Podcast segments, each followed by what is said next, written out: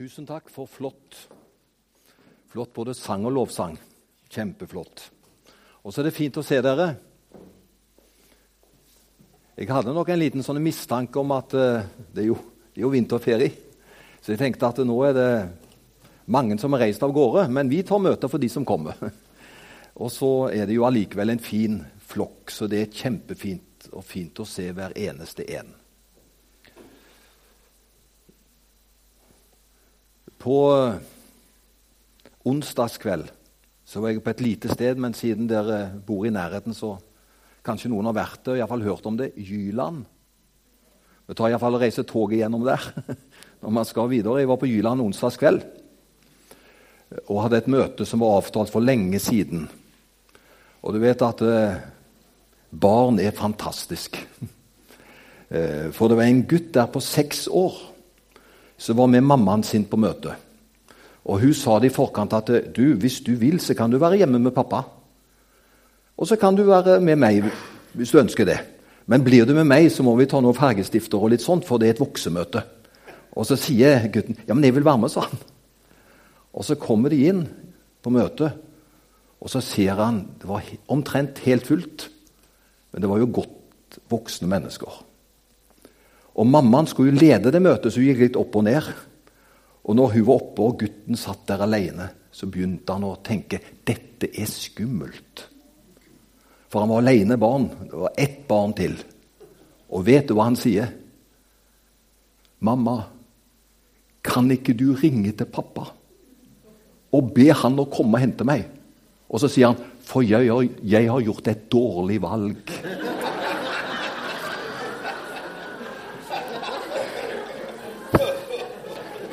Jeg syns det var fantastisk. Men så håper jeg ikke dere har gjort et dårlig valg. Men han hadde gjort et dårlig valg. Og for å fylle opp med en barnehistorie til, og så er det passert. Asbjørn Johannessen er jo en av de forkynnerne som vi virkelig beundrer. Han har vært med så lenge og er fortsatt fantastisk. Han fortalte en historie på den bønnekonferansen her eh, som en, et barn som hadde vært med mammaen på møte, og så kom de hjem etter å ha vært på møte der, og så sier, så sier gutten til mamma Du, mamma, sa han.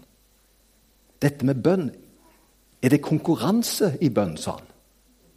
Nei, hvordan kan, du, hvordan kan du tenke på at det er konkurranse i bønn, da? Jo, for pastoren sa Hansen leder i bønn, sa han.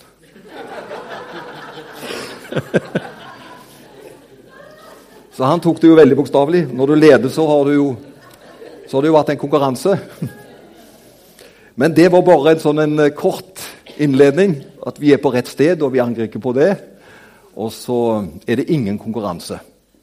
Alt er av nåde. Og det skal jeg gjøre i dags tale, den, eh, den fjerde delen eh, gjennom Galaterbrevet. Jeg tar bare noen få punkter, fordi ett kapittel per gang.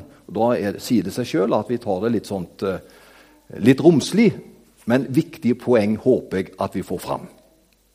Og nå skal jeg komme med et sitat før jeg skal begynne.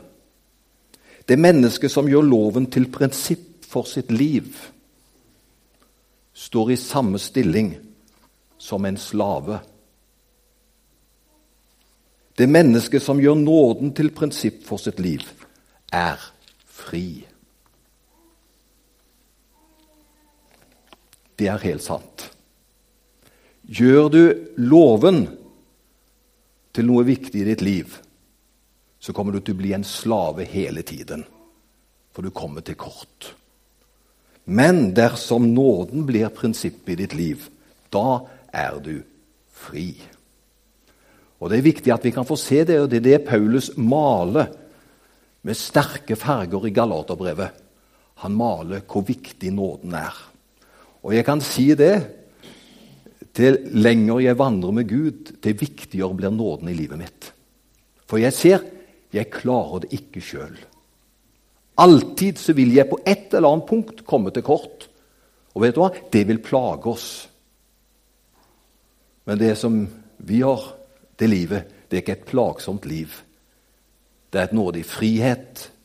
Det er et nåde hvor vi er kjøpt til Gud med Jesu Kristi dyrebare blod.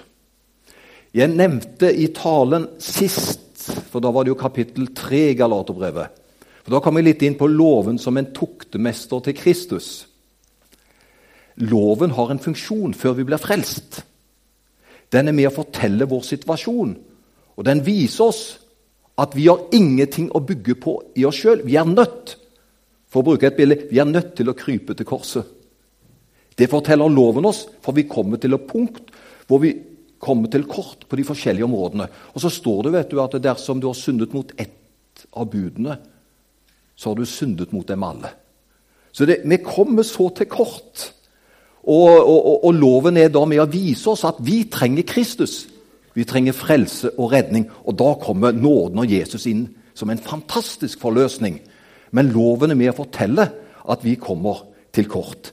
Eh, jeg leste, Mens jeg satt nede på kontoret før jeg kom opp her i dag, så leste jeg bare et par vers i Romerbrevet. Jeg skulle hatt lyst til å tale gjennom Romerbrevet, men det hadde tatt flere år. Eh, men du skal bare få et lite sitat fra Romerne kapittel 5, vers 20. For der står det egentlig hva loven gjør. Loven kom inn ved siden av. Altså den kom inn på å justere livet vårt ved siden av. For at fallet skulle bli større. Her ser vi noe av lovens funksjoner. Altså, den skal være så tydelig i vårt liv at fallet vårt det er enormt for at fallet vårt skulle bli større. Men så står det videre Men der hvor synden er stor, er nåden enda større. Du, skjønner, det, du kan ikke konkurrere med nåden. Den vil alltid vinne. For der hvor synden er stor, der er nåden enda større større. Og Derfor er det så viktig at vi får se hvilken plass nåden har i vårt liv. For det er revolusjonerende. Det løfter oss opp. Det gir oss noe som er utrolig. Bare for at vi skal få se dette inn i vår situasjon, så er bare, mens det første bildet bare er der For temaet i formiddag det er 'født til frihet'. Loven har jeg allerede sagt. Den har sin fantastiske oppgave, for den fører oss til Kristus. For den ser at vi, vi trenger frelse. Men fra en annen side så er loven en luring. For vet du hva loven gjør hvis vi fokuserer på loven etter vi blir frelst? Vet du hva loven gjør? Den stadig sier oss at vi ikke er gode nok. Loven vil gjøre i vårt trosliv at vi aldri blir fornøyd, for vi kommer alltid til kort. Og den gir misfornøydhet. Og Derfor er det kristne som er slik at de er aldri gode nok. De blir på en måte ut ifra de aldri fornøyd.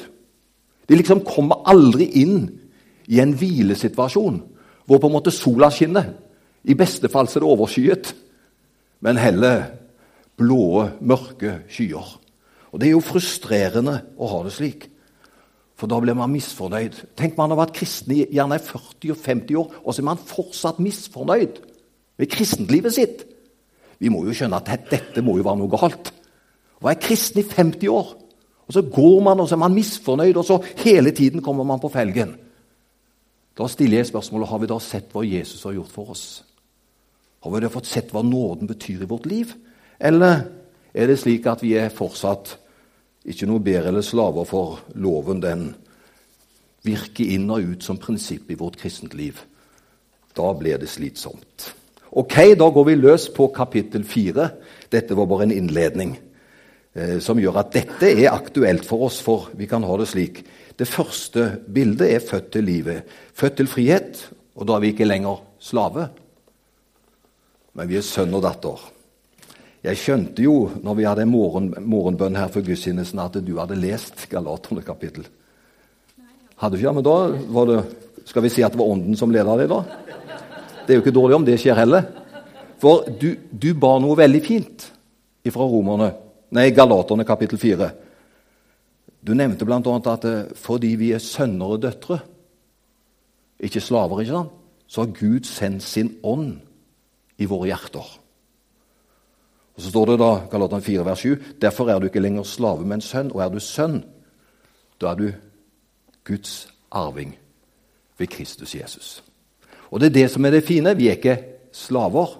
Vi har sønner og døtre, og vi har fått Guds ånd i våre hjerter, som gjør at vi kan si 'Abba, Fader'. Og 'Abba, Fader' det er det samme som 'kjære pappa'. Det er det mest intime, nære vi kan ha i vår relasjon. Det er Abba, far. Da er Gud ikke en fruktsom person som er ute for å ta oss langt unna. Men han sitter du på fanget til. Hodet ditt inntil brystet. Og så er du der i denne atmosfæren. Vi har ikke fått en ånd som gjør at vi frykter, men vi har fått barnekårets ånd som gjør at vi kan si 'Abba, far'. Og det er kjempefint.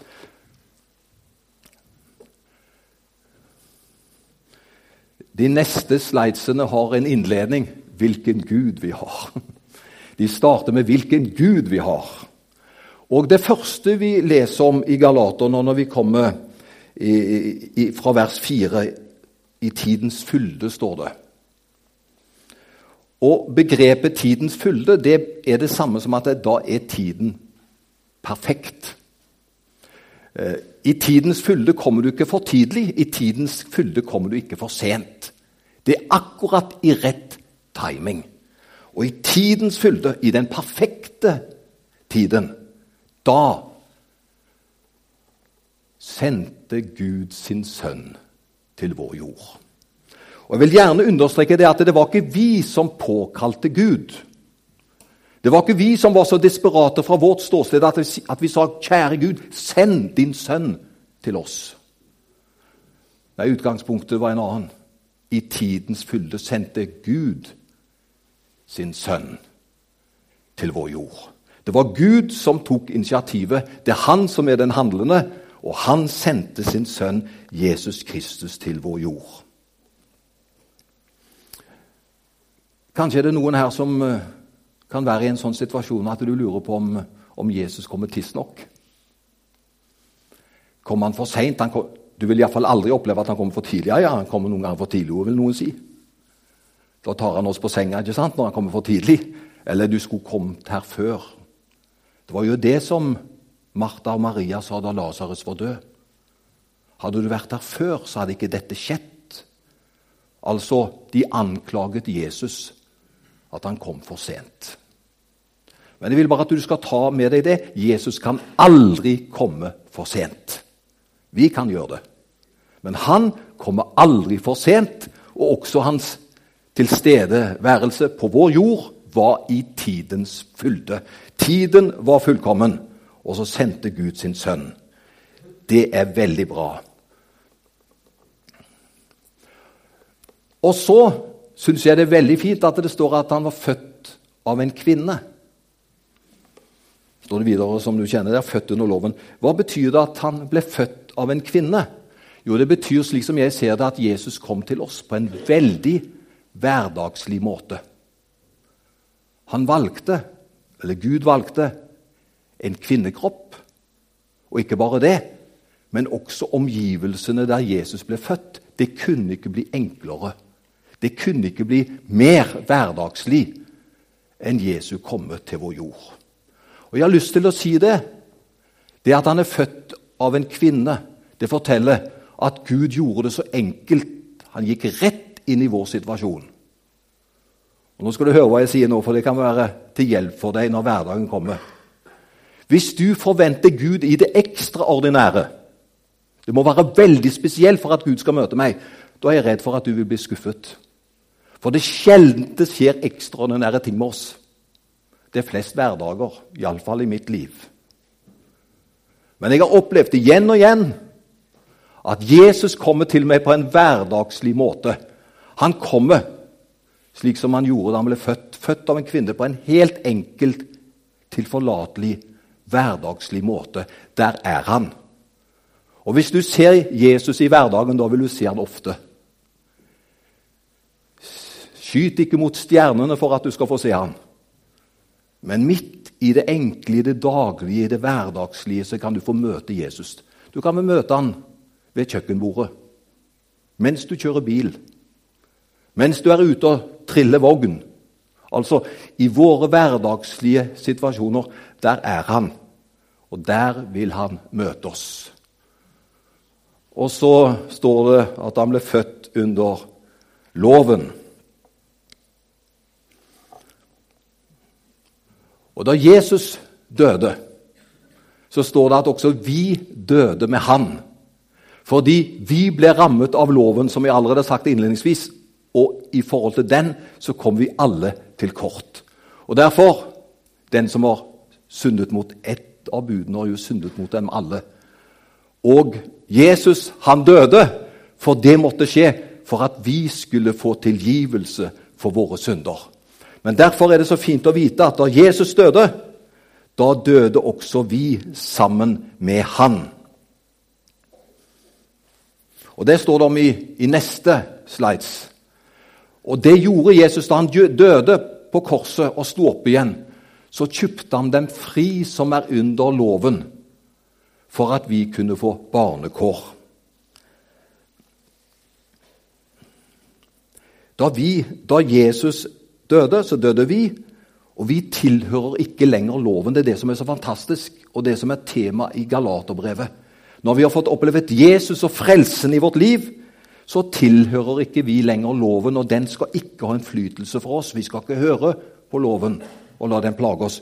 Vi står ikke under loven, men under nåden. Skal jeg lese litt fra romerbrevet som forteller akkurat dette? Romerne 7. Romerne 7, 4-6. Der står det slik På samme måte, mine søsken, døde også dere bort fra loven. Du skjønner, du kan ikke holde noe som du har dødd bort ifra. ikke sant? Dere døde bort fra loven ved Kristi kropp for at dere skal tilhøre en annen, han som ble oppreist fra de døde for at vi skal bære frukt for Gud. Da vi levde efter kjøttet, virket de syndige lystne som ble vekket ved loven i våre lemmer, så vi bar frukt for døden. Men nå, står det, er vi frigjort fra loven. Tenk om vi kunne fått sett det, at vi er frigjort fra loven. Siden vi er døde fra det som holdt oss fanget, slik at vi tjener i åndens nye vesen og ikke i bokstavens gamle vesen. Du skjønner, Det er forskjell å, å tjene i i, eh, i bokstavens gamle vesen og i åndens nye vesen. Og du vet hva det står, det er vel Paulus som sier det, bokstaven slår i hjel. Det er livsfarlig hvis vi får en tjeneste som bygger på bokstaver. For da kan vi lese, det står jo, og så tar vi hverandre, og så står det at bokstaven slår i hjel. Men ånden gjør levende. Og Derfor er det så viktig at vi lever i denne pakten hvor Guds kjærlighet og Guds nåde får råde, da blir det fantastisk. Og så kjøpte han oss fri, som vi hørte, fra loven. Og Det som ble resultatet av dette, da, det var at vi fikk barnekår. Barnekår På gresk betyr det egentlig sønnekår. For barnekår det er slik at eh, ja, hvis noen barn mister sine foreldre, og så er de små, så får de verge for seg eller noen andre som tar vare på deres arv og verdier. Og De kan ikke ta ut arven sin så lenge de er umyndige, så lenge de er barn. Det er barnekår. De er arvinger, men de kan ikke nyttiggjøre seg den, for de er voksne nok til å ta den ut. Men Herren har ikke gitt oss på den måten et barnekår som gjør at vi vet at en dag der framme så skal vi ta den ut. Det er ikke det det betyr, det som står her, men det betyr at han har gitt oss sønnekår. Hva betyr det? Jo, det betyr at vi allerede nå kan bruke arven. Og Det er jo eneste å vite at arven er ikke noe teoretisk der framme, men hver eneste dag så kan jeg ta ut den åndelige arven som vi har fått i Kristus Jesus. Og Jeg vet ikke hvor mye du begynte å bruke på den arven. Tenker du at han bare skal få godgjøre seg, og så kan det jo komme en gang hvor jeg skal få bruke han. Jeg vil anbefale deg du klarer aldri å tømme den. Det er en konto som er så stor at det mer vi bruker, det mer er det igjen. Og Derfor vil jeg bare oppmuntre deg. Alt hans er ditt. Ta det utbrukte. Vi kan bruke av denne arven, for vi har fått sønnekår. Det vil si, arven er aktivisert. Vi har den til rådighet hver eneste dag. Og Så går jeg videre. og da I dette kapittelet så ser det ut som at det, det er litt sånn eh, temaskifte. For eh, plutselig står det om to kvinner. Står det om to sønner. Så står det om to pakter, og så står det om to fjell. Og så står det om to byer. Har dere lest det? Ja. Hvis ikke, så kan du lese det en gang. Men det står det her. Og de to kvinnene som det står om her Men du skjønner, dette har med teksten å gjøre. altså. Men det kan se ut som at nå er det et nytt element som kommer inn. Men det har med hele helheten å gjøre. De to kvinnene som står om Den ene kvinnen er Hagar, og den andre er Sara. Hvem står Hagar som et bilde på? Jo, det er de som er under loven. Der preges det av loviskhet. Der preges det av Og dessverre så er det mange som har de holdninger i dag til den slekta der. De har ikke jeg, men det er mange som har det. De får som fortjent. Men hos Gud så er det jo ikke sånt. Men i teksten her, og da Paulus snakker om det, så er Hagar trellkvinnen. Hun ble tatt inn for en funksjon, men hun var ikke den naturlige kvinnen. For den naturlige kvinnen var Sara. Hun var kvinnen efter løftet. Og så gjaldt det da de to sønnene som disse to damene fikk. Ismal og Isak. Ismal er den sønnen som representerer loviskhet og kjødet, mens Isak er den åndelige løftesønnen, som er et bilde på Kristus. Og Så kommer det også inn på to pakter. Den ene pakten det er loven. Og Den andre pakten er den nye pakt, som er nåden. Og så er det snakk om to fjell. For loven ble gitt på et fjell. Det var på Sinai-fjell. Og Apropos det er en predikant som har sagt det er livsfarlig hvis vi setter talerstolen på Sinai-fjellet. Da vil det smelle rundt oss. Da vil det bli mye loviskhet og det vil bli mye trelldom og lite forløsning. Men hvis vi har talerstolen på det andre fjellet, som er Golgata, da opplever vi det er nåde til hjelp i rette tid. Og Derfor er det så viktig at vi ser hva Jesus sa, hva evangeliet, hva nåden kan utrette i vårt liv. Da kan vi senke skuldrene og oppleve her er det godt å være. Og så er det to byer. Sikkert på mange av oss har kanskje vært i Jerusalem. Men Jerusalem i denne sammenhengen står også for loviskhet. Det står for at den fører folk i trelldom. Men så er det en by som ikke er her. Det står en by som er der oppe. Det himmelske Jerusalem.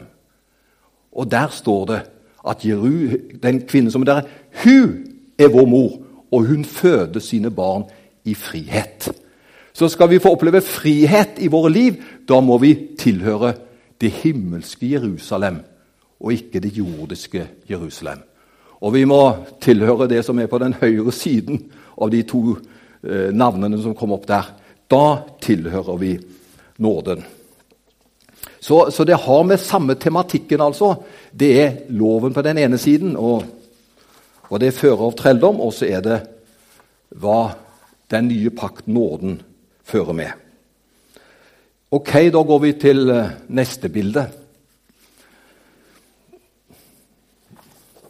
Da skal du få se noe kjempefint. og Da skal jeg nesten bare lese det, for her ser vi motsetninger mellom loven og nåden.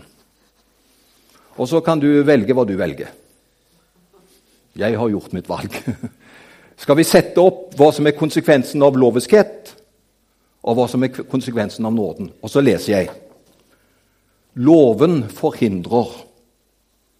Nåden inviterer og gir. Loven fordømmer synderen. Nåden forløser synderen. Loven sier 'gjør'. Nåden sier 'det er gjort'. Loven sier Vær fortsatt hellig. Nåden sier det er fullbrakt. Loven forbanner. Nåden velsigner.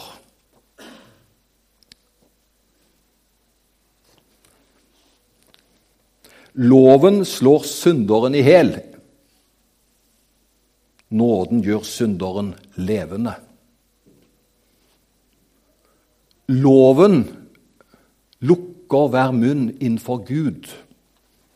Ikke sant? For vi kommer så til kort. Vi har ingenting å komme med. Vår munn blir lukket. Hør! Nåden åpner hver munn til å prise Gud. Er ikke dette bra? Men vi vet hva vi velger. Vi går videre. Loven fordømmer. Nåden frelser. Loven sier 'betal det du skylder'. Nåden sier 'jeg tilgir deg alt'. Loven sier 'syndens lønn er døden'. Nåden sier 'Guds gave er evig liv'. Loven sier 'den sjel som synder, skal dø'. Nåden sier 'tro og lev'. Loven åpenbarer synd. Og Derfor er loven viktig før vi møter Jesus. ikke sant? Loven åpenbarer synd som gjør at vi kommer til Jesus. Hør! Nåden soner for synd. Loven gir syndens erkjennelse. Nåden gir forløsning for synd. Loven ble gitt ved Moses. Nåden og sannheten kom ved Jesus Kristus. Loven krever lydighet. Nåden gir kraft til å lyde. Loven ble skrevet på steiner. Nåden er skrevet på hjertets tavler. Loven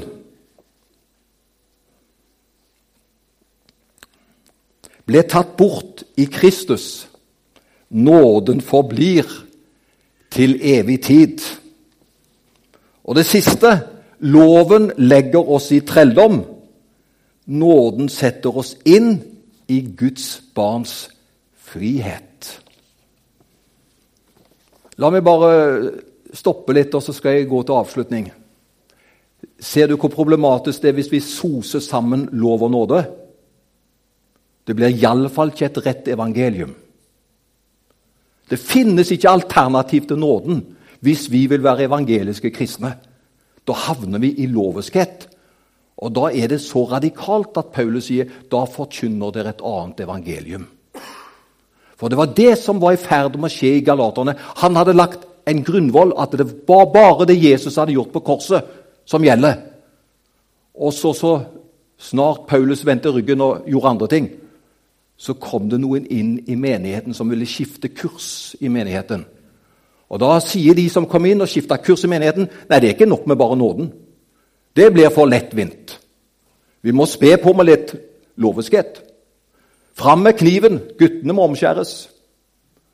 Og så må man holde loven, og så må man gjøre det hvis man skal være godtatt av Gud. Og så får Paulus, han som har planta denne menigheten, få høre om at nå er loveskhet tilbake i Guds forsamling.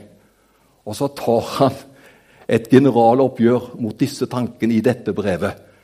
For han vet hvis det ikke er nok det som Jesus har gjort som frelsesgrunn, da bygger vi på feil ting, og da havner vi både loveskritt og farisisme. Og da er det med å stenge for Guds sak. Kan vi ikke be om for menigheten her at talerstolen står på Golgata, fjellet, og ikke på Sinai-fjell? Kan ikke vi be om at når vi kommer sammen i et fellesskap, så er det et nådens fellesskap som heier på hverandre? og som ser Tenk hvor mye flotte folk det er!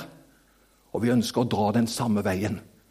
Vi ønsker at Guds rike skal komme nær, og at vi skal få gjøre Guds gjerning i hverdagen.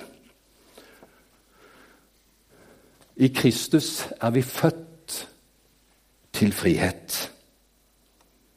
For en sannhet Galaterbrevet understreker.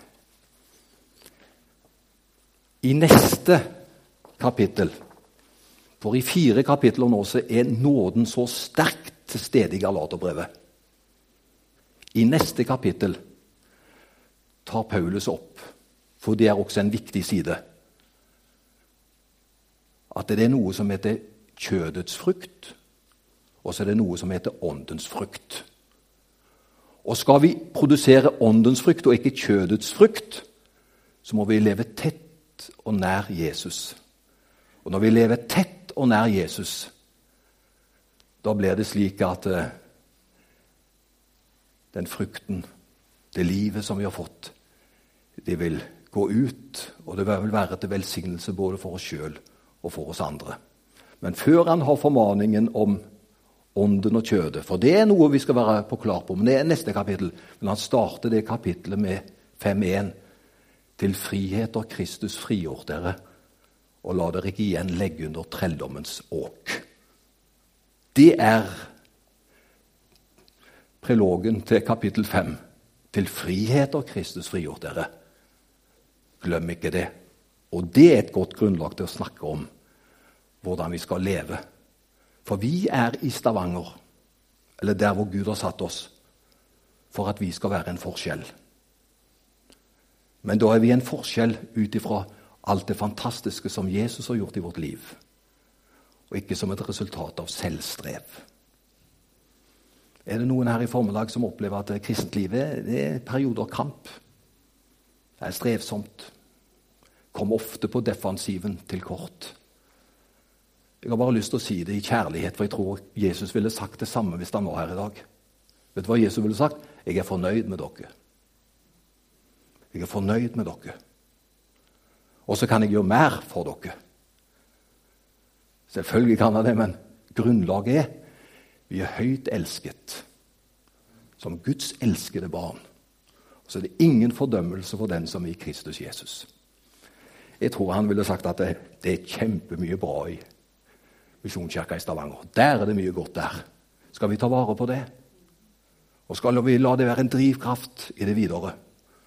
Og så lar vi nåden rå. Så lar vi det frie, herlige livet som løfter oss opp. Det kommer mye godt ut av nåden. Og det er strevsomt om ikke det er vårt hovedelement. Skal vi be sammen?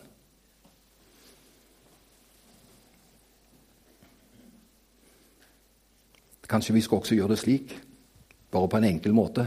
Hvis du sitter her nå og merker at ja, det var noe der som eh, jeg ble møtt med. Noe som opplevde at ja, men det var godt å høre, for jeg har hatt det litt tungt. Jeg har hatt tunge tanker og ting som har liksom gjort det vanskelig for meg.